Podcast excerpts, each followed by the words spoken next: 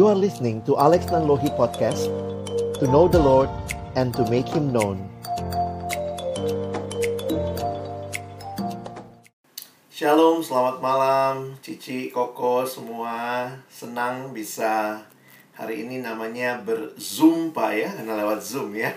Dan bersyukur melihat uh, antusiasme, kerinduan yang dalam tentunya sebagai orang-orang yang melayani guru-guru sekolah minggu dan ini jadi kesempatan yang indah untuk kita kembali diperlengkapi. Mari kita berdoa sebelum kita membaca merenungkan firman Tuhan. Kami bersyukur kepadamu Tuhan kesempatan seperti ini Engkau berikan kepada kami. Kami sama-sama rindu akan membuka firman-Mu. Kami mohon bukalah juga hati kami. Jadikanlah hati kami seperti tanah yang baik. Supaya ketika benih firman-Mu ditaburkan itu boleh sungguh-sungguh berakar, bertumbuh, dan juga berbuah nyata di dalam hidup kami. Berkati baik hambamu yang menyampaikan, setiap kami yang mendengar, Tuhan tolonglah kami semua, agar pada akhirnya kami bukan hanya jadi pendengar-pendengar yang setia, tapi mampukan dengan kuasa dan pertolongan dari rohmu yang kudus, kami dimampukan menjadi pelaku-pelaku firman-Mu di dalam kehidupan kami. Bersabdalah ya Tuhan, kami umat-Mu sedia mendengarnya dalam satu nama yang kudus, nama Tuhan kami Yesus Kristus. Kami menyerahkan pemberitaan firman-Mu. Amin. Ya, malam hari ini tema yang akan sama-sama kita pikirkan. Saya coba siapkan satu slide untuk menolong kita memahami tema ini. Tentunya nanti ada waktu juga kita boleh berdiskusi. Sehingga nanti jika ada pertanyaan yang mungkin tidak tercover di dalam materi ini, tapi saya mungkin memahami, silahkan ditanyakan. Kalau saya paham, nanti saya coba uh, memberikan penjelasan lebih lanjut. Dan pentingnya penginjilan kepada anak menjadi tema kita. Saya pikir ada dua hal yang penting di dalam judul ini. Yang pertama yaitu penginjilan itu sendiri. Saya akan coba refresh lagi pemahaman kita tentang penginjilan dan bagian kedua nanti kepada anaknya ya. Ini mungkin sebenarnya uh, Koko Cici yang sudah sekian lama melayani uh, lebih expert begitu ya dalam hal ini tapi kiranya pemahaman tentang Injil yang penting itu yang kiranya nanti akan mewarnai kita lagi untuk memperjuangkan penginjilan kepada anak. Saya akan mulai dengan beberapa data yang ditemukan di dalam survei bilangan research yang dirilis uh, dari awal tahun ini begitu ya. Dan ini data-data berkaitan dengan survei terhadap orang Kristen dan penginjilan. Nah, memang ini bukan data anak, tetapi ini data anak muda. Jadi tentunya yang lebih dewasa lagi bukan anak-anak, tetapi saya mencoba memahami ini kayak test the water gitu ya kita jadi bisa memahami kira-kira seperti apa sih orang Kristen dan penginjilan. Nah, ini datanya. Yang pertama, uh, dituliskan begini. Satu dari tiga anak muda Kristen Indonesia menganggap bahwa semua agama menyembah Tuhan yang sama. Wah, ini jadi menarik juga ya. Ini kekristenan yang ditemukan dalam data yang uh, hasil dari survei bilangan research yang dilakukan kepada 1137 orang di 33 provinsi. Lalu anak muda lagi, ini masih berkaitan dengan anak muda, satu dari tiga anak muda Kristen Indonesia menganggap bahwa perbuatan baik saja dapat menyelamatkan. Oh, jadi apa untungnya atau apa spesialnya jadi orang Kristen kalau ternyata perbuatan baik bisa menyelamatkan begitu ya. Next lagi adalah satu dari empat anak muda Kristen Indonesia mendukung pernikahan beda agama. Waduh, ini jadi kalau kita perhatikan ini cukup prihatin lah ya dengan data-data yang seperti ini. Tentu memang masih ada yang tidak demikian, tetapi ternyata ada juga yang mendukung pernikahan beda agama. Data selanjutnya ini bukan hanya orang muda tetapi orang Kristen secara umum ya. Dikatakan satu dari dua orang Kristen Indonesia tidak aktif memberitakan Injil kepada orang lain dalam tiga bulan terakhir. Ya, ini 50% sebenarnya ya. Kalau kita lihat dari cara penyajian datanya. Nah, ini lagi yang terakhir adalah data orang Kristen. Satu dari orang, satu dari lima orang Kristen Indonesia, berarti ini yang dewasa begitu ya, menganggap bahwa penginjilan kepada teman adalah hal yang tidak baik. Ya, mungkin takut merusak relasi dan seterusnya.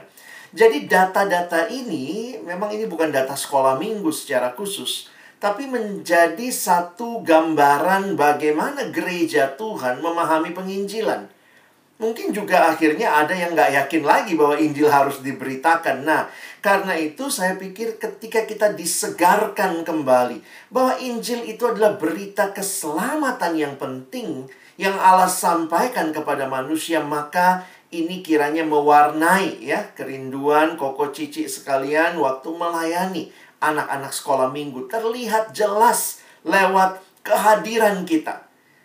Secara uh, umum saya hanya mencoba me menggabungkan beberapa fakta dan pemahaman yang saya ingin kita pahami malam hari ini.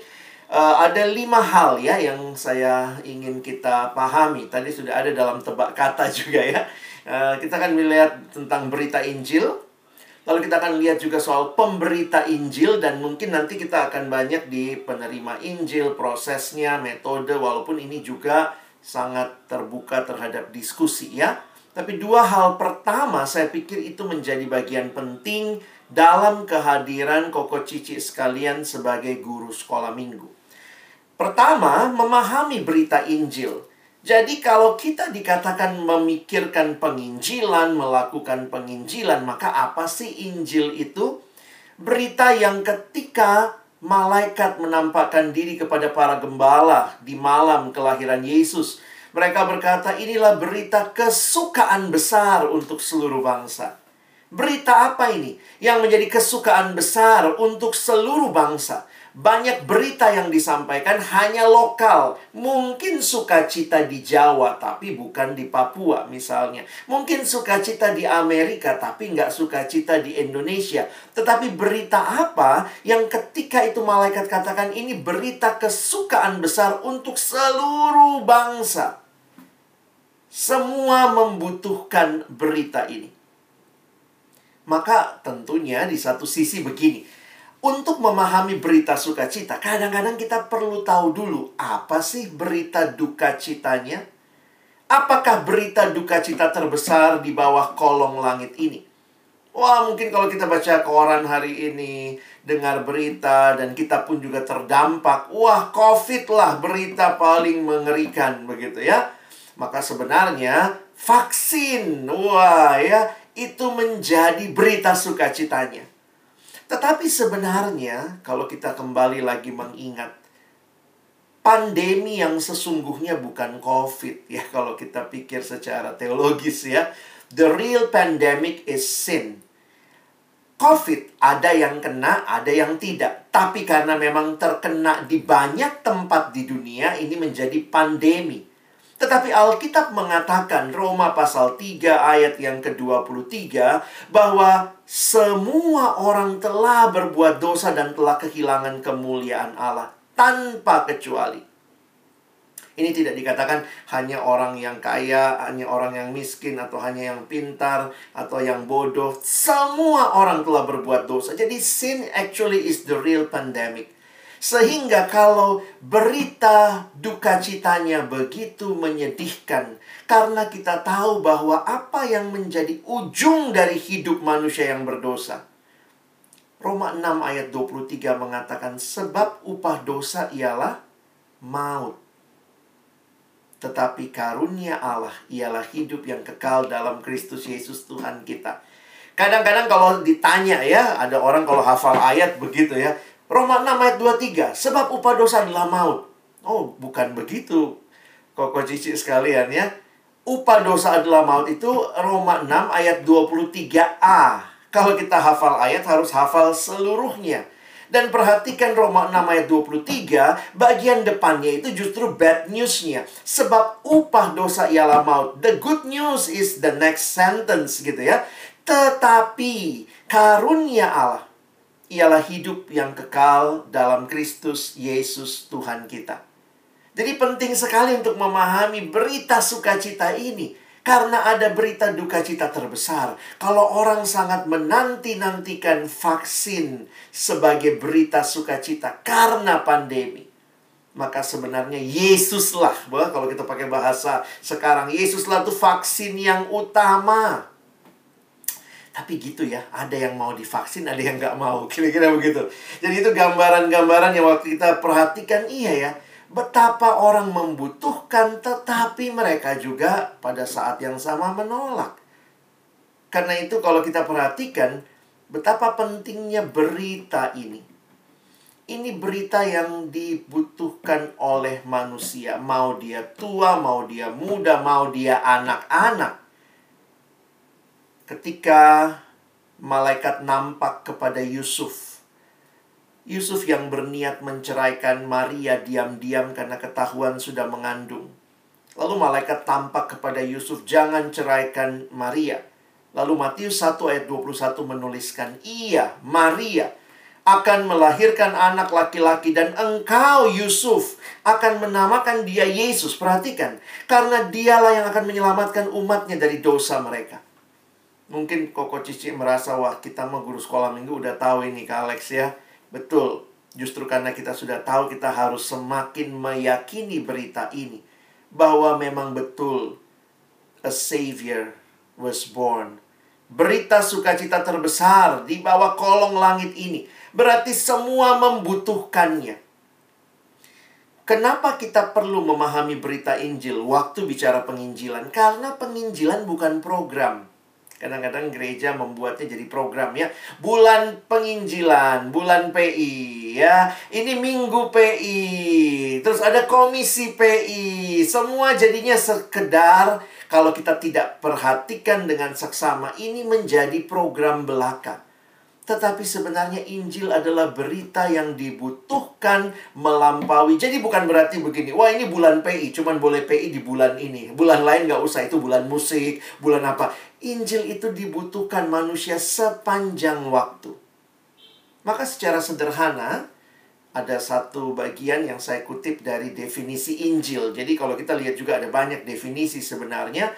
Tapi kalau kita perhatikan bahwa fokus berita Injil, kabar baik, berita sukacita adalah pribadi Yesus.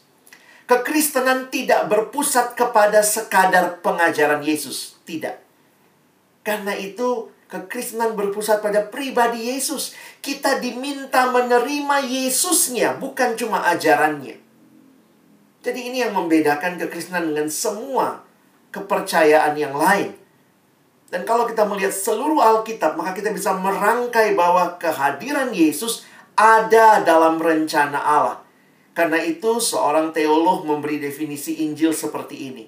Allah melalui kematian, dan kebangkitan Yesus membaharui manusia berdosa dan seluruh ciptaan agar diperdamaikan dengan Allah dan dapat hidup bersama Allah dalam langit yang baru dan bumi yang baru. Ini berita yang luar biasa membawa sukacita bagi dunia. Tidak ada yang tidak butuh berita ini. Jangan merasa kayaknya, wah dia ini anaknya lucu nih.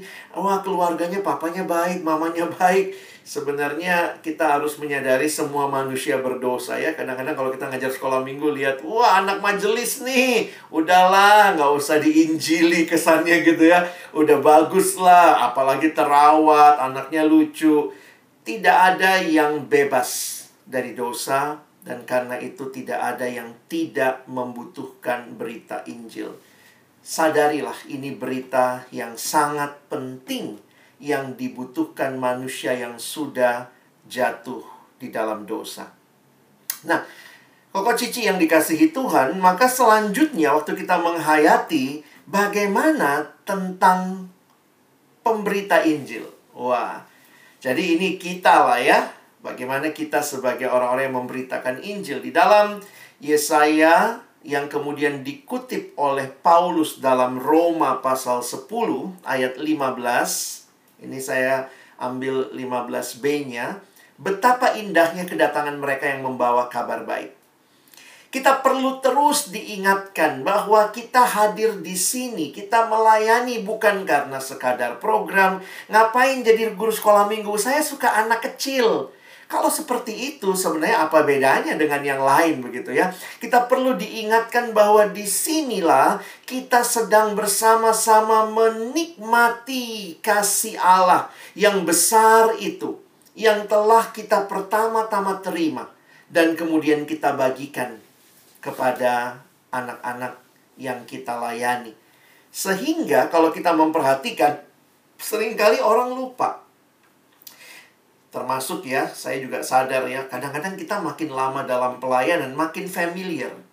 Makin lama dalam pelayanan, makin makin expert makin lama dalam pelayanan makin berasa udah tahu. Wah, saya pernah bawain cerita itu tuh 15 tahun lalu karena sudah jadi guru sekolah minggu berpuluh tahun misalnya ya. Sehingga banyak kali kalau kita tidak waspada ini menjadi sebuah kegiatan rutin. Rutinitas ya sudah, saya memang guru sekolah minggu gitu ya. Saya dari dulu lalu kemudian kita makin expert, makin lama di pelayanan, makin merasa saya sudah menguasai banyak hal. Tapi kalau kita melihat kembali betapa pentingnya berita itu dan kita menikmati denyut nadi penginjilan itu, maka ada hal yang menarik yang saya ingin sharing buat kita begitu ya. Waktu kita misalnya memperhatikan apa yang ada di dalam bagian Lukas 15. Saya nggak eksposisi, saya coba cepat aja untuk membawa kita melihat beberapa poin penting. Nah, coba uh, kita pahami bahwa di dalam bagian ini kita bertemu dengan tiga perumpamaan tentang domba yang hilang, tentang dirham yang hilang, dan tentang anak yang hilang. Wow, tentu kita udah tahu lah semua itu ya. Tetapi kadang-kadang kita lupa konteksnya. Karena begitu fokus kepada domba, dirham, anak, kita lupa bahwa konteksnya kenapa Yesus sampai menceritakan perumpamaan ini. Dan saya mau angkat sedikit konteksnya ini untuk merefleksikan pada diri kita sebagai pemberita Injil. Kalau Koko Cici perhatikan bahwa sebenarnya Lukas 15 dimulai di ayat 1, saya bacakan buat kita ya. Para pemungut cukai dan orang-orang berdosa biasanya datang kepada Yesus untuk mendengarkan dia. Maka bersungut-sungutlah orang-orang Farisi dan ahli-ahli Taurat. Katanya, ia menerima orang-orang berdosa dan makan bersama-sama dengan mereka. Lalu, nah lihat ya, ia atau Yesus mengatakan perumpamaan ini kepada mereka. Jadi kalau kita bayangkan, kenapa Yesus mengatakan perumpamaan? Tiga perumpamaan berturut-turut loh. Karena Tuhan Yesus sedang mau menjawab sungut-sungutnya orang Farisi dan ahli-ahli Taurat. Perhatikan sebentar di dalam apa yang Yesus responi ya dalam cerita yang dia sampaikan. Kita mulai dari yang domba yang hilang ya. Di dalam ayat yang dituliskan ayat 5 dan kalau ia telah menemukannya, maksudnya menemukan domba yang hilang itu ya, karena dia meninggalkan 99, dia mencari yang hilang itu, satu yang hilang. Dan kalau ia telah menemukannya, ia meletakkannya di atas bahunya dengan gembira. Ya, koko cici yang dikasihi Tuhan, waktu saya persiapan, saya akhirnya baru ngeh lagi gitu ya mencari gambar yang sesuai dengan ayatnya, saya pikir waktu saya googling cuman gambar ini yang saya dapat, yang paling pas. Gambaran tentang gembala yang menemukan domba dan meletakkan di atas bahunya dan gembira. Jadi nggak gampang bicara gembiranya karena nggak ketemu saya gambar yang lain ya. Nah, waktu lihat gambar ini, ini satu-satunya gembalanya gembira gitu ya. Bisa lihat nggak? Jadi ini Alkitabiah ya. Yang lain tuh gembalanya nggak kelihatan ekspresinya. Dan saya kagum juga waktu baca ilustrasi Yesus. Yesus bicara tentang gembira. Ayat 6. Setibanya di rumah, ia memanggil sahabat-sahabatnya, tetangga-tetangganya, serta berkata kepada mereka, bersuka citalah bersama-sama dengan aku, sebab dombaku yang hilang itu telah kutemukan. Mari perhatikan fokus yang diberikan Yesus waktu menceritakan perumpamaan ini. Ada kepada gembira, ada kepada sukacita, sampai di ayat 7 menutup perumpamaan pertama. Yesus berkata, demikian juga akan ada sukacita di sorga. Karena satu orang berdosa yang bertobat, lebih daripada sukacita karena 99 orang benar yang tidak memerlukan pertobatan. Jadi gembira Kenapa? Karena Yesus lagi jawab sumut-sumutnya orang orang Farisi. Jadi itu yang kadang-kadang kita miss dari perumpamaan ini. Bahkan Yesus merasa tidak cukup hanya menceritakan domba yang hilang. Tuhan Yesus kalau pakai bahasa kita nyerocos lagi, tambahin perumpamaannya. Perumpamaan yang kedua tentang dirham yang hilang. Dan ayat 9 mengatakan, Dan kalau perempuan itu telah menemukan dirhamnya, ia memanggil sahabat-sahabatnya dan tetangga-tetangganya serta berkata, Bersukacitalah bersama-sama dengan aku, sebab dirhamku yang hilang itu telah kutemukan. Banyak gambar saya kalau nyari juga bagaimana supaya sesuai nama ayatnya ya. Banyak gambar perempuannya lagi nyapu, nyari dirhamnya, tapi gambar ini bagi saya juga luar biasa ya. Ini termasuk satu-satunya juga karena dia bersuka citanya. Lihat, dia senyum begitu ya. Lalu ayat 10, Yesus tutup perumpamaan kedua. Demikian juga akan ada sukacita pada malaikat-malaikat Allah karena satu orang berdosa yang bertobat. Kalau kita memahami denyut nadi penginjilan, maka sebenarnya setiap kali kita melayani, memberitakan Injil, kita punya kerinduan, kita punya sukacita ketika kita melihat hidup orang berubah. Dan ini yang saya agak takut ya buat diri saya yang sudah cukup lama di pelayanan, buat Koko Cici yang sudah cukup lama di pelayanan. Kita masih berdenyut nggak dengan getaran hatinya Tuhan, dengan sukacita ilahi itu. Atau jangan-jangan sudah terlalu rutin, ini program saja. Oh ini cuman ya saya karena suka sama anak kecil ya udahlah. Sehingga bisa jadi kita hadir melayani. Tetapi apakah beban itu masih begitu nyata? Perumpamaannya kurang. Di sini Yesus rasa tidak cukup. Perumpamaan pertama, kedua, Yesus nyerocos lagi perumpamaan ketiga. Fokusnya sama. Kalau kita perhatikan, ayahnya itu katanya berlari mendapatkan dia lalu merangkul dan mencium dia di mana-mana harusnya yang lari anaknya begitu ya. Tapi ini anaknya pulang dengan rasa malu yang dalam. Lihat ayahnya itu yang lari. Kelihatan betul ayahnya punya sukacita. Dia punya waktu yang dia tunggu-tunggu. Di ayat selanjutnya dikatakan ayahnya berkata lekaslah bawa kemari jubah yang terbaik jadi kemudian dipulihkan haknya ya. Pakaikan kepadanya, kenakan cincin pada jarinya. Ayat 23. Ambillah anak lembu tambun itu, sembelilah ia dan marilah kita makan dan bersuka cita. Jadi sebenarnya connecting words-nya dari tiga parables ini adalah sukacita. Sebab anakku ini telah mati dan menjadi hidup kembali, ia telah hilang dan didapat kembali. Maka mulailah mereka bersukaria. Eh, yang sulung pulang ngambek. Yang sulung ngambek. Perhatikan ayat 28. Maka marahlah anak sulung itu dan tidak mau masuk. Ini bapaknya bagi saya luar biasa. Tadi anaknya pulang, bapaknya yang lari.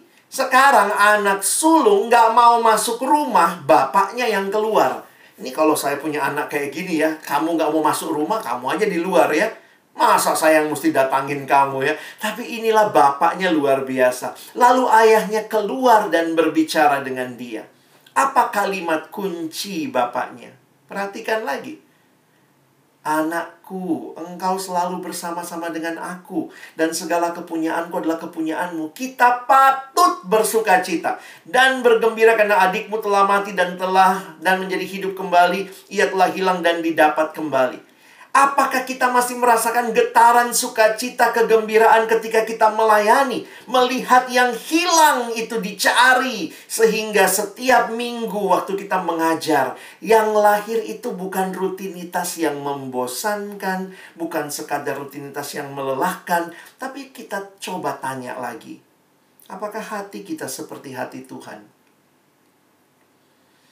Apakah sukacitanya Tuhan itu juga sukacita kita. Tuhan sukacita melihat jiwa-jiwa yang bertobat, diselamatkan. Karena itu berita Injil perlu diberitakan. Sebuah ungkapan bilang begini ya, Koko Cici kalau sudah lama nggak suka cita mungkin kita perlu penginjilan lagi ya karena ketika kita menjadikan segala sesuatu rutin gitu ya rasanya malah melelahkan jadi capek kita butuh disegarkan kembali. Jadi malam hari ini saya harap penginjilan ini menolong kita ya. Kembali lagi on fire ini peperangan rohani yang di dalamnya harus ditopang dengan doa. Doa yang berseru meminta kepada Allah, merindukan Tuhan. Anak-anak yang saya ajar ini lucu-lucu setiap angkatan datang kayaknya anaknya si ini. Kadang-kadang kita kenal papanya, kita kenal mamanya, kita bahkan mungkin kalau di gereja ya, karena ini gereja yang sangat keluarga saya lihat, kalau kita kenal opa omanya bahkan gitu ya. Tapi apakah ada doa-doa yang hidup, yang menggelora, menyebutkan nama satu persatu anak-anak sekolah minggu ini di dalam doa-doa kita? Gampang sih berdoa. Tuhan berkati semua anak kelas A, semua anak kelas B. Siapa semua itu? Tuhan Yesus peduli dengan satu. Dan dia peduli one by one. Ini jadi perenungan kita ya karena akhirnya menyadari penginjilan hanyalah kuasa Allah. Siapa yang mampu memindahkan orang dari maut jadi hidup? Dari binasa dapat hidup kekal. Ya cuma Tuhan. Dan karena itu kita yang dipercayakan berita ini, kita masih punya semangat dan gairah yang sama nggak? Kalau enggak, kita cuma main sekolah minggu, sekolah mingguan sih ya uh, kamu jadi guru-guruan ya nanti yang ini jadi apa ya mimpin uh, ini MC MC-annya nanti ini jadi pemusik pemusikannya kita bisa melakukan rutinitas tanpa jiwa dan semangat tetapi kalau ada semangat ada jiwa yang benar-benar merindukan Injil diberitakan maka kita pun akan menikmati rutinitas itu dengan sebuah cara pandang yang baru. Oke. Saya harap ini jelas buat kita soal penginjilan dan terakhir mungkin tentang anak lah ya. Nah, ini yang saya pikir uh, Koko Cici juga memahami sang penerima Injil. Tentu setiap kita Tuhan percayakan ya secara khusus dalam kebersamaan sebagai guru sekolah minggu, kita sedang melayani sebuah generasi. Banyak kali waktu bicara pelayanan anak, sekarang pendekatannya generasi ya. Memang akhirnya melihat perbedaan generasi. Sekarang mulai masuk ke generasi Z, Alpha. Kalau uh, Koko Cici yang melayani kelas-kelas yang lebih kecil lagi, itu semua kita kategorikan generasi alpha ya. Jadi beberapa buku. Nah, ini tergantung pakai buku yang mana ya. Karena juga para ahli itu beda-beda pendekatannya tapi kira-kira mau menyatakan begini perhatikan generasi karena setiap generasi punya keunikan. Nah, coba saya mau kasih sedikit sense buat kita ya. Yang kita ajar generasi yang mana? Lihat aja, guru sekolah minggunya pun juga lapisannya banyak. ada yang baby boomers, ada yang generation X. Nah, saya ini masuk generasi X ya. Ada yang generasi Y dan ada yang generasi Z mungkin ya, guru sekolah minggunya yang umur mentoknya sekitar 21 gitu. Mungkin aja ada ya. Habis CD mungkin masuk gabung guru sekolah minggu. Saya pikir jangan lupa ya. Jangan jangan sampai juga kita lupa regenerasi guru sekolah minggu ya karena merasa yang yang tua masih banyak nih nggak apa-apa lah gitu ya. Tapi kita tahu ya kan nggak ada yang dari kita yang bisa hidup terus kan ya. Kita butuh regenerasi. Jadi jangan cuma anaknya yang ganti-ganti tapi kitanya juga bisa dengan baik uh, memikirkan regenerasi yang baik. Nah, di sini saya pikir uh, perlu untuk juga ada lapisan. Kenapa? Nah, kita mesti sadar, makin tua, maka lapisannya makin jauh sebenarnya dengan generasi yang bawah termasuk dengan anak-anak yang kita layani. Nah, jadi kadang-kadang sensitivitas mengerti generasi ini penting. Ya. Belum lagi kadang pendekatan kita melayani anak sekarang jangan lupa Indonesia ini lagi bonus demografi yang akan meledak kira-kira 10-15 tahun lagi di mana jumlah penduduk produktifnya itu lebih banyak ya dan beberapa data itu sudah dibuktikan ya Kalau kita lihat dengan jumlah penduduk kita 270 juta, lalu kita lihat itu pembagian generasinya. Ini data resmi BPS ya. Bapak Ibu, teman-teman Koko Cici bisa cek begitu. Ini membuat kita melihat bahwa gereja harus siap dengan pelayanan kaum muda. Saya bicara kaum muda itu mulai dari sekolah minggu, remaja, dan pemuda. Kadang-kadang gereja fokus sama orang tua. Kenapa? Karena yang jadi majelis orang tua. jadi kadang-kadang kalau suaranya orang tua lebih didengar. Karena yang memperjuangkan majelisnya pada yang tua-tua. Beberapa gereja sudah mulai regenerasi. Majelisnya banyak yang muda juga. Puji Tuhan, begitu ya sehingga bisa bersuara. Nah, ini katanya bakal terjadi ya, kira-kira sampai tahun 2035 ya, sekitar uh, eh, 15 tahunan ini ada banyak bonus demografi dan ini semua orang mempersiapkan. Sayangnya memang jadi unik ya. Hal-hal kayak begini yang lebih banyak baca siapa? Market research. Market research yang lebih persiapan daripada gereja gitu ya. Nah ini yang saya pikir juga tentu ya kita nggak menolak data tapi mari pakai data ini untuk menyiapkan kita juga sebagai gereja menyambut atau melayani generasi ini ya.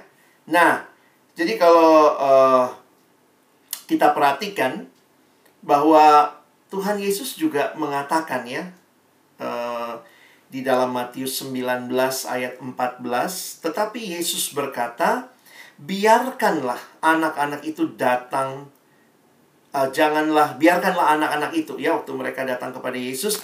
Janganlah menghalang-halangi mereka datang kepadaku sebab orang-orang yang seperti itulah yang empunya kerajaan sorga. Sebentar ya slide saya masih uh, loading sebentar. Jadi kalau uh, Koko Cici perhatikan apa sih dasarnya gereja melayani generasi muda? Saya pikir bukan karena sekadar kesadaran generasi bahwa ada banyak lapisan generasi, bukan hanya karena kesadaran bonus demografi, tapi buat kita ini adalah panggilan Yesus sendiri yang berkata, "Biarkanlah anak-anak itu jangan menghalang-halangi mereka datang kepadaku." Saya kadang-kadang kalau sudah baca buku-buku tentang generasi pusing juga ya karena itu tipis bedanya alpha sama Z. Kadang-kadang kita baca, aduh ini gimana ya? Alpha gimana? Z gimana? Akhirnya saya kadang-kadang tutup buku, saya bilang, Tuhan dalam nama Yesus semua mereka berdosa. Kenapa kita perlu melayani generasi ini? Bukan karena bonus demografi saja. Bukan karena mereka adalah generasi Z, Alpha. Karena mereka manusia berdosa butuh Injil. Dan karena itulah kita tetap melayani mereka. Jadi jangan jangan dibalik seolah-olah karena demo bonus demografi jadi kita concern melayani, kita peduli. Enggak, ini karena semua generasi berdosa. Karena itu anak-anak yang masih kecil butuh dengar Injil. Sekolah minggu harus ada. Kita harus loving and embracing this generation. Kenapa kita butuh kenal generasi? Ya, saya pikir survei, research tentang generasi, tentang bonus demografi tadi hanyalah menolong kita untuk bisa nantinya mengenal dan juga melayani generasi ini lebih baik. Saya pikir itu poinnya.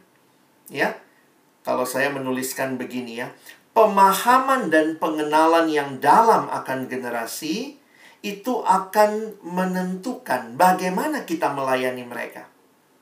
Ya, bagaimana kontennya Kontennya tentu tidak berubah. Firman Tuhan, Injil keselamatan. Tetapi juga nanti kita lihat bagaimana konteksnya. Dan kemudian juga bagaimana kita menyikapi yang namanya kontainernya. Nah, itu kadang-kadang perlu tuh. Jadi kita tentunya bisa melihat. Nah, ini ini buat kami ya. Saya maaf, saya juga mengkategorikan diri saya karena saya Gen X. Saya yang punya gaya pelayanan dan mungkin mengajar yang seperti ini harus terus berbenah diri untuk nyambungin dengan generasi ini. Nah, ini kalau tidak mau me, tidak mau terus belajar, hati-hati juga ya. Karena kadang-kadang kami yang tua-tua ini karena nggak mau belajar, agak keras kepala, merasa kayak sudah lama begitu ya. Eh, kita jadi kurang relate sama generasi ini. Kenapa? Karena di generasi kita nggak apa-apa kok, ya.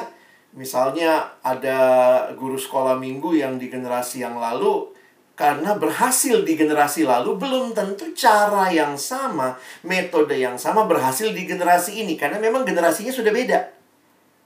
Jadi kita perlu terus nah untuk Koko Cici yang ada di sekolah ngerti banget deh ya, nggak usah dikasih tahu lagi karena udah begitulah generasinya. Kita perlu memahami setiap generasi punya kebutuhan. Namanya kalau kita membahas hal begini banyak hal ya, ada satu Eh, seminar, webinar yang pernah saya ikuti, dia bilang begini. Ini secara umum ya, lihat paling bawahnya. Generasi baby boomers itu pergumulannya masalah ideologi. Yang mana yang benar?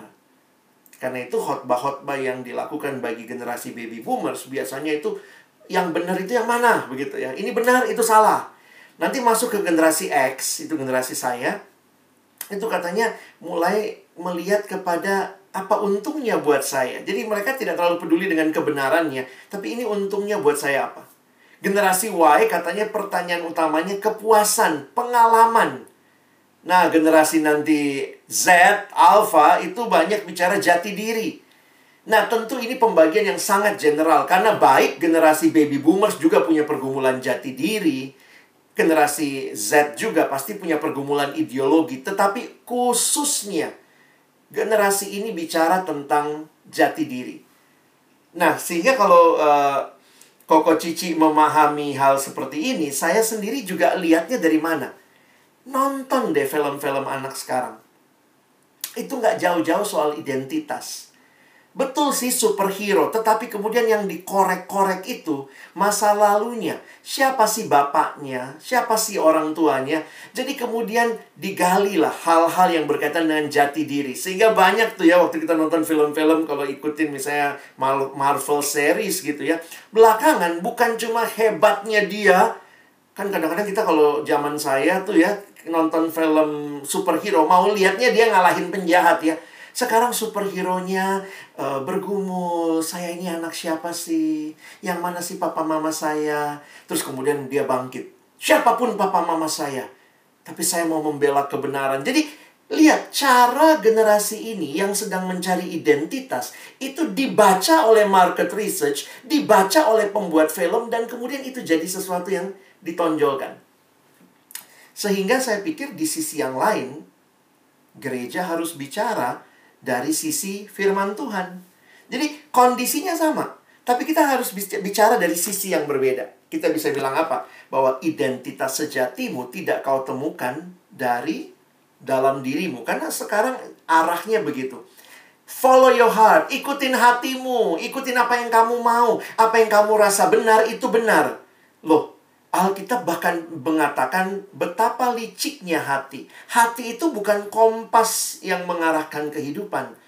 Do not follow your heart, follow God's word. Jadi kadang-kadang membaca kebutuhan generasi ini yang kayaknya apa yang dia mau, apa yang dia suka, kayaknya just follow your heart. Kita lihat ada artis-artis keluar dia bilang, "Saya gay, mau apa? Saya gay." Itulah diri saya, itulah identitas saya. Karena berapa apa saya rasanya saya gay, ya sudah saya gay. Saya ikutin hati saya. Lalu banyak anak remaja Kristen karena saya di pelayanan remaja merasa tuh gila tuh artis hebat ya dia berani dia berani ngakuin dirinya dia menemukan identitasnya dengan apa dirinya Alkitab nggak pernah berkata follow your heart follow God's word Firman Tuhan harus jadi patokan kebenaran. Kalau saya rasa saya senangnya mau jadi gay, tapi saya tahu firman Tuhan bilang nggak boleh, maka saya bukan follow my heart, I follow God's word. Saya berjuang hidup kudus, saya berjuang hidup dalam Tuhan.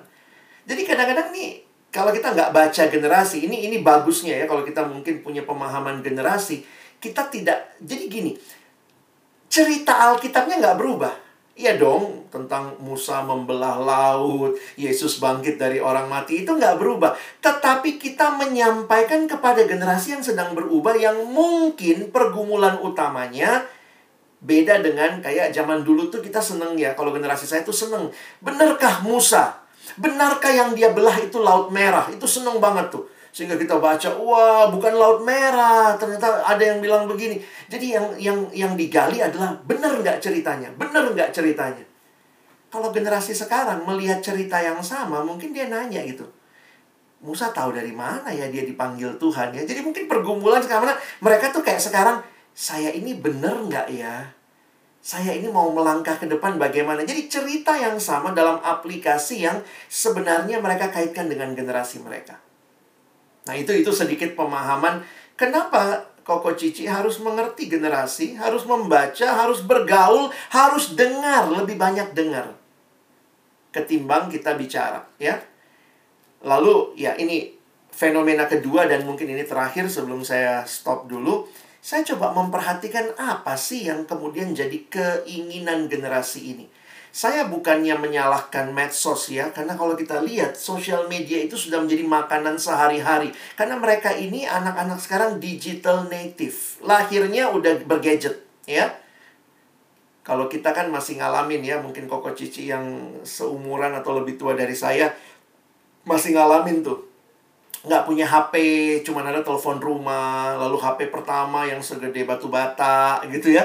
Kita masih ngalamin tuh ya. Tapi anak sekarang begitu lahir udah begitu tuh. Semua udah canggih. Dulu-dulu nggak seperti itu.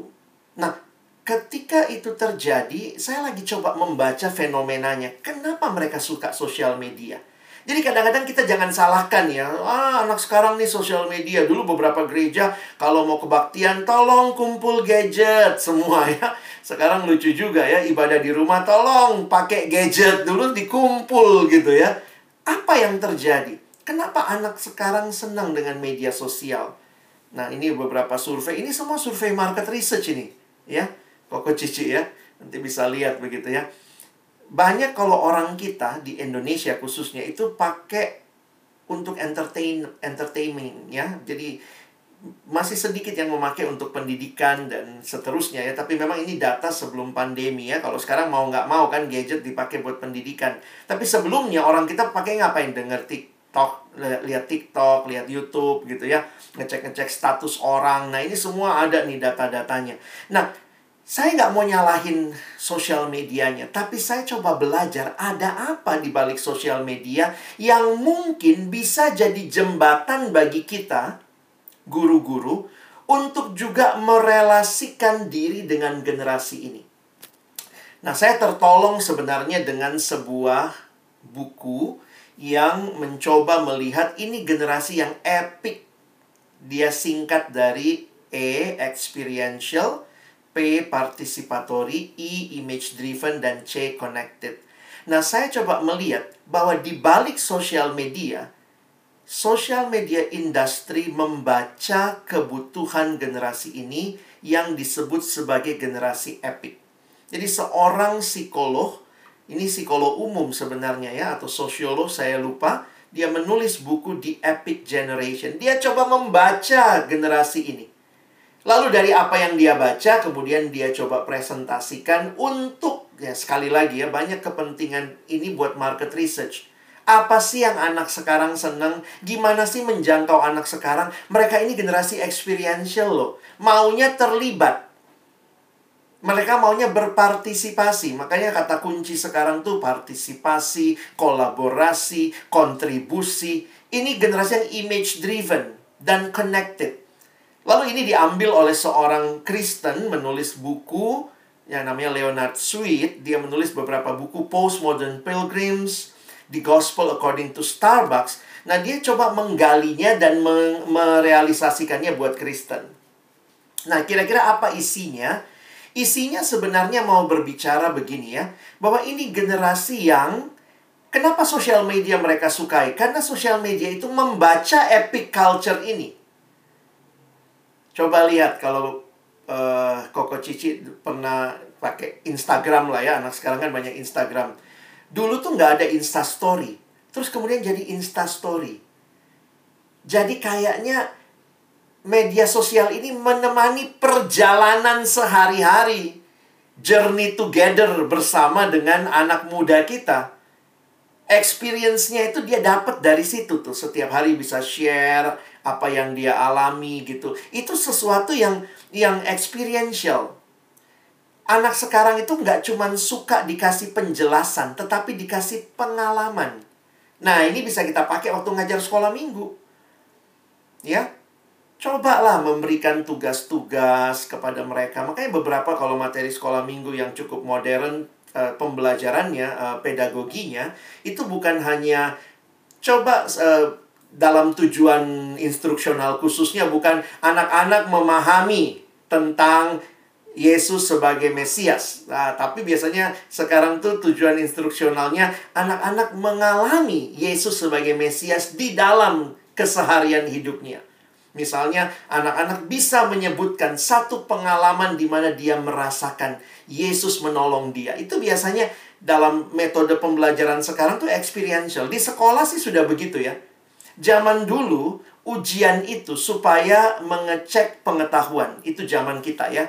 Makanya nggak ada tuh zaman dulu ada remedial, remedial, remedial. SMA mana ada sih remedial zaman koko cici yang tua ya. Pokoknya ujian bisa jawab nggak bisa jawab ya udahlah kalau bisa jawab nilainya 100, nggak bisa ya udah. Kalau sekarang anak-anak tuh bukan cuma tahu. Sekolah itu sekarang harus sampai bisa.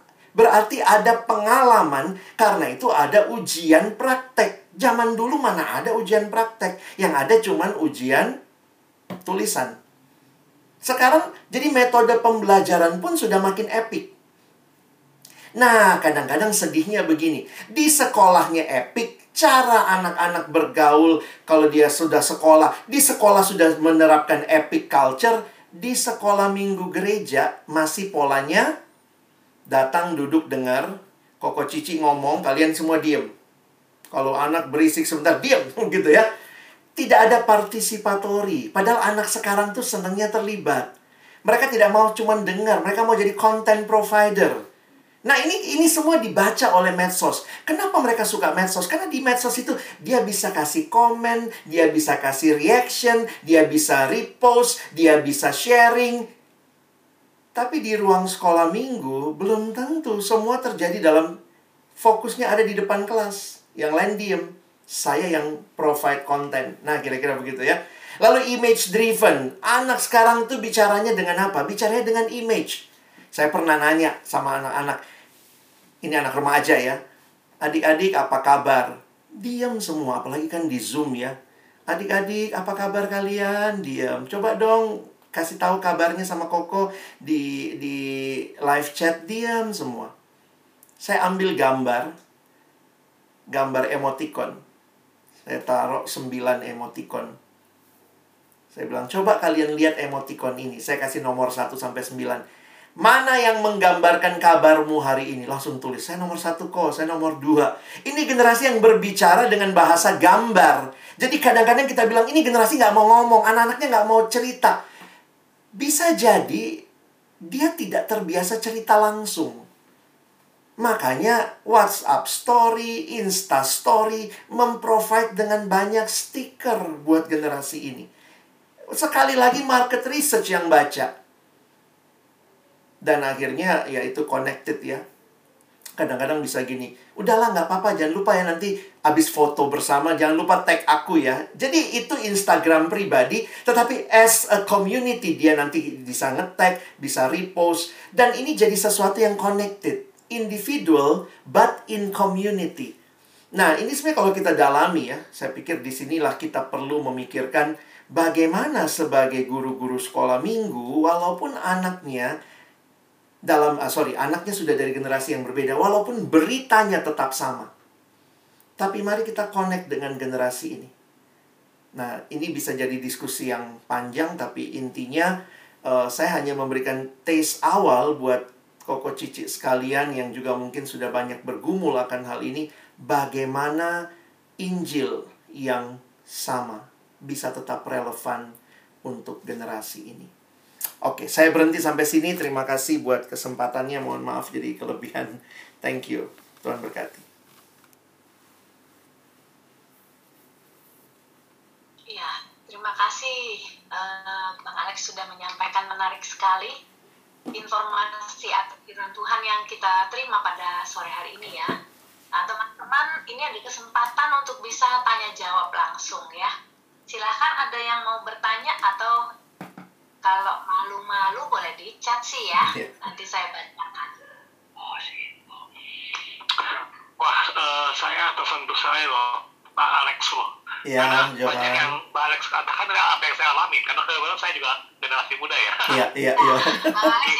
Iya. kelas jadi saya, saya, saya, saya hanya ingin mengafirmasi aja sih Oh, thank you, thank you. yang Bapak Alex katakan benar Ya, A- ada ada one or two Iya, uh, sentence ini. yang ini yang yang Johan lihat sebagai hal yang tadi diafirmasi yang bagian mananya kira-kira?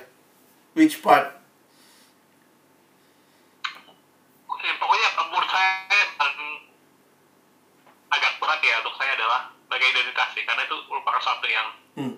memang nggak gampang ya identitas untuk anak muda gitu Hmm. hmm. Oke. iya jadi iya bapak dan ibu anak-anak zaman sekarang itu punya punya punya krisis identitas jadi Hmm. kita jadi mikirkan kita anak siapa nih kita apakah anak dunia atau anak anak Tuhan karena Hmm. hmm. karena itu kan bisa secara diametrik beda kan Ya. anak dunia ya hidupnya sesuai dengan dunia anak Tuhan kan mesti hidupnya kan sesuai dengan Tuhan kan Iya. jadi ya gitu atau pergumulan terbesar kan identitas kembali lagi Identitasnya. Oke. anak siapa kita Thank you, Johan. Iya Thank you for sharing ya. Senang. ya jadi iya memang kita aware ya untuk memperhatikan anak-anak yang kita ajar. Eh, memang tema malam hari ini kita diingatkan kembali dan disegarkan bagaimana kita bisa memberitakan Injil kepada anak-anak. Setiap hari kita ketemu anak-anak dalam minggu-minggu kebaktian kita ya. Oke teman-teman, yang lain ada pertanyaannya?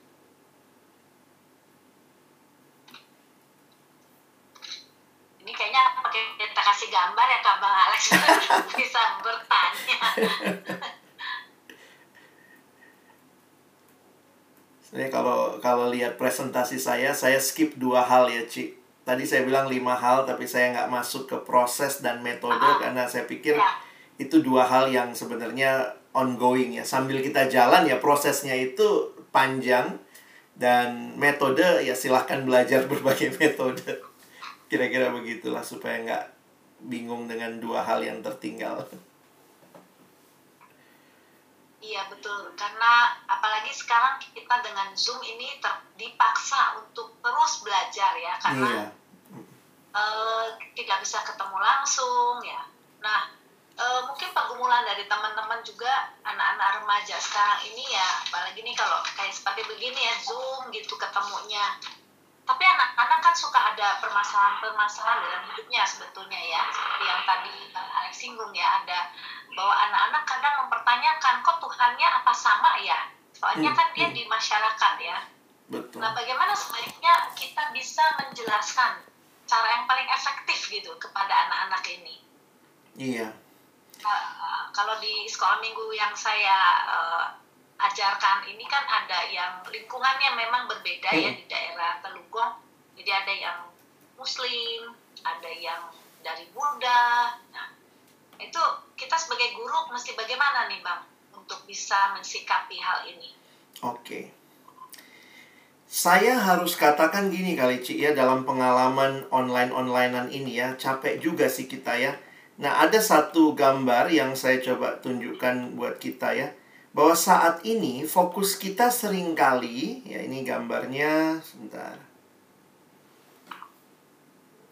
Kadang-kadang fokus kita adalah kepada ibadah.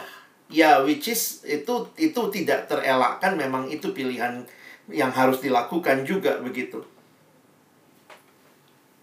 Tapi kalau lihat piramida ini, sebenarnya ibadah raya itu di puncaknya. Tapi sebenarnya yang kita harus perjuangkan juga di dalam masa-masa ini yang menurut saya memang tidak mudah adalah pelayanan pribadi. Jadi eh, saya tidak bukannya skeptis lah ya, ya kita jelasin konsep nih sama anak-anak, kita bikin webinar segala macam. Tapi sesudah itu kita butuh ngobrol pribadi. Karena itu kalau ada kelompok-kelompok kecil, kelompok yang lebih kecil lah ya, dengan anak-anak untuk bisa mendengar mereka. Karena di ibadah kita yang satu jam, satu setengah jam itu kan fokusnya mereka mendengar. Tapi kita kita punya waktu nggak mendengar mereka. Nah, jadi Kalau, nah poinnya saya adalah begini, ibadah raya itu um, untuk nyiapinnya tuh lumayan banyak effort ya.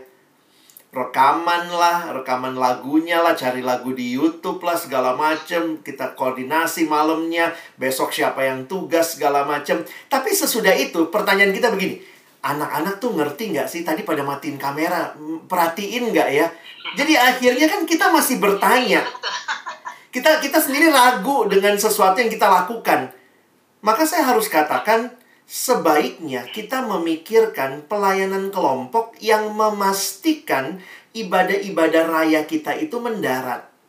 Nah, ini yang saya nggak tahu nih. Apakah kalau anaknya masih kecil, maka mungkin ada tugas yang kita kasih ke orang tua. Tolong minggu ini perhatikan apa. Tapi kalau anaknya sudah mulai dewasa, bisa sharing. Mungkin nggak kita eh, video call 15 menit. Paling nggak bisa dengar, lihat muka sebentar pakai WA atau Line gitu dengan anak-anak. Karena realitanya begini, kita tuh bikin ibadahnya udah effortnya besar, terus pertanyaannya, anak-anak denger nggak ya? Ya kalau anak-anak denger apa enggak, kita mesti pastikan. Nah makanya gereja banyak sibuk di atasnya. Tapi hati-hati, kalau tidak ada touch pribadi, dua tahun kita online, bisa jadi ini missing generation. Tapi kalau kita bisa grabs mereka, tetap jaga komunitas, maka sebenarnya dua tahun ini mereka tetap deket lah. Kira-kira begitu. Iya, jadi berarti kita ya harus mengutamakan juga hubungan ya Pak. Ba- Betul. bagi- apa relasi ya. Relasi, Bahasa betul, kita. Ci. Nah, ini yang saya nggak tahu gimana caranya waktu masih online. Apakah eh, Koko Cicinya mau extra time di luar ibadah yang hari Minggu untuk kontak, mungkin WA kalau anaknya udah besar, video call 10-15 menit supaya mereka merasa kita tuh ada. Gitu sih. Iya. Baik, eh, ini ada mau yang ada yang mau bertanya sepertinya. Iya. Ko Bobi. Ya, Bobi silakan. terima kasih Pak Alex. Ya. Tadi se- kan dibilang generasi yang sekarang itu mereka lebih cenderung eh, mengerti dengan mempraktekkan ya, Iya. Pak Alex ya. Betul. Nah, eh, bagaimana sebagai kita kalau me- mereka ingin mengerti hal yang positif dengan mempraktekkan, eh, asal itu nggak masalah lah ya. Bagaimana dengan hal yang negatif nih? Mm. Bagaimana kita bisa mencegah mereka? Jangan sampai mereka harus mempraktekkan dulu, misalnya harus jatuh dalam dosa dulu, baru mereka mengerti itu dosa itu. Mm, mm. Jadi bagaimana menurut mencegahnya? Pak? Iya. Saya pikir, ya, thank you Pak Bobi. Eh, saya tetap meyakini ya, walaupun kita bilang praktek, bukan berarti mempraktekkan yang nggak benar ya. Tapi ada saatnya mungkin dalam hal-hal yang umum, itu jadi pembelajaran, proses pembelajaran mereka lah. Tapi ini ada satu gambar lagi, jadi sebenarnya dikaitkan sama proses pedagoginya ya. Kalau kita belajar pedagoginya begini.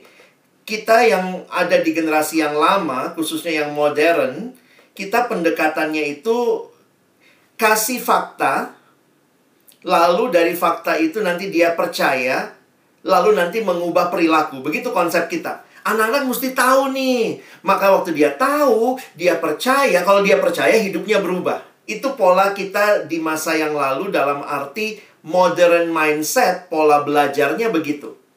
Anak sekarang, pola pembelajaran di sekolah banyak kan experience dulu.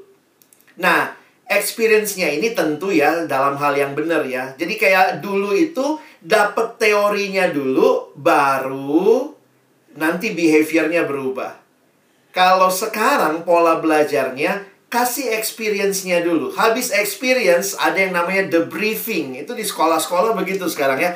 Coba main dulu, main dulu ya. Coba terjun ke masyarakat misalnya. Lalu kemudian kita debriefing. Makanya ada misalnya ditanya, apa yang kamu pelajari?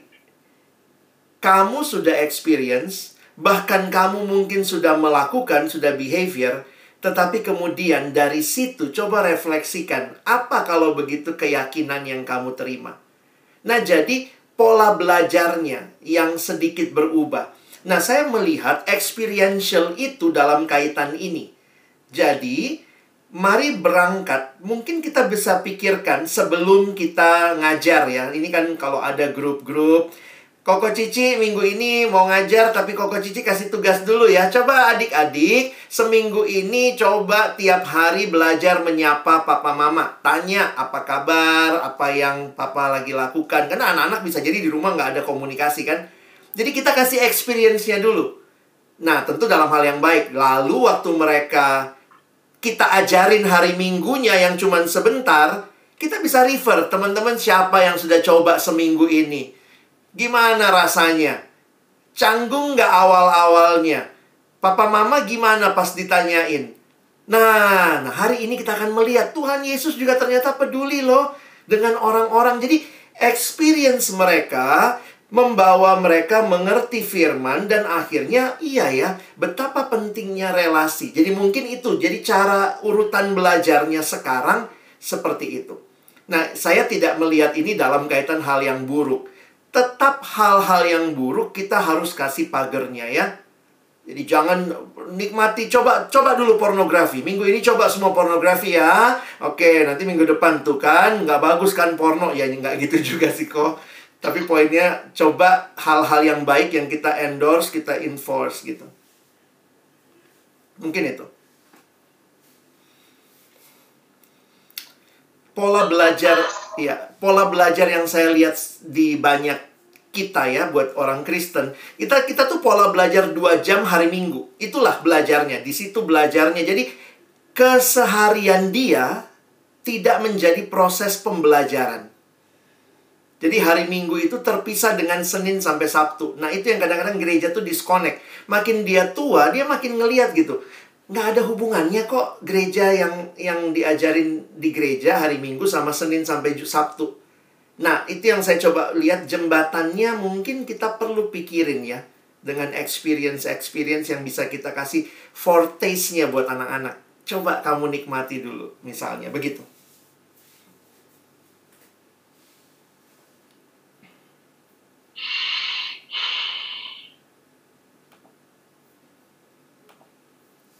Iya, oke okay. Pak Bu, Ko Bobi, ada lanjutannya kah?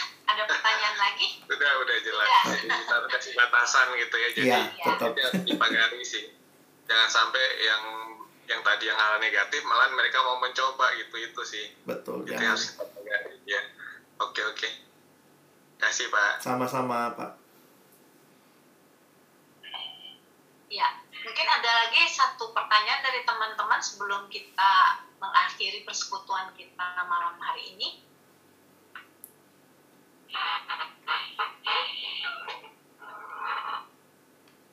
Oke, selamat malam Bang Alex. Halo, Bagaimana malam Rus.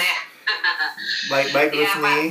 Uh, bang, saya mau nanya Bang, Hmm. uh, kan kita emang generasi generasi X ya, mereka adalah generasi Z ya.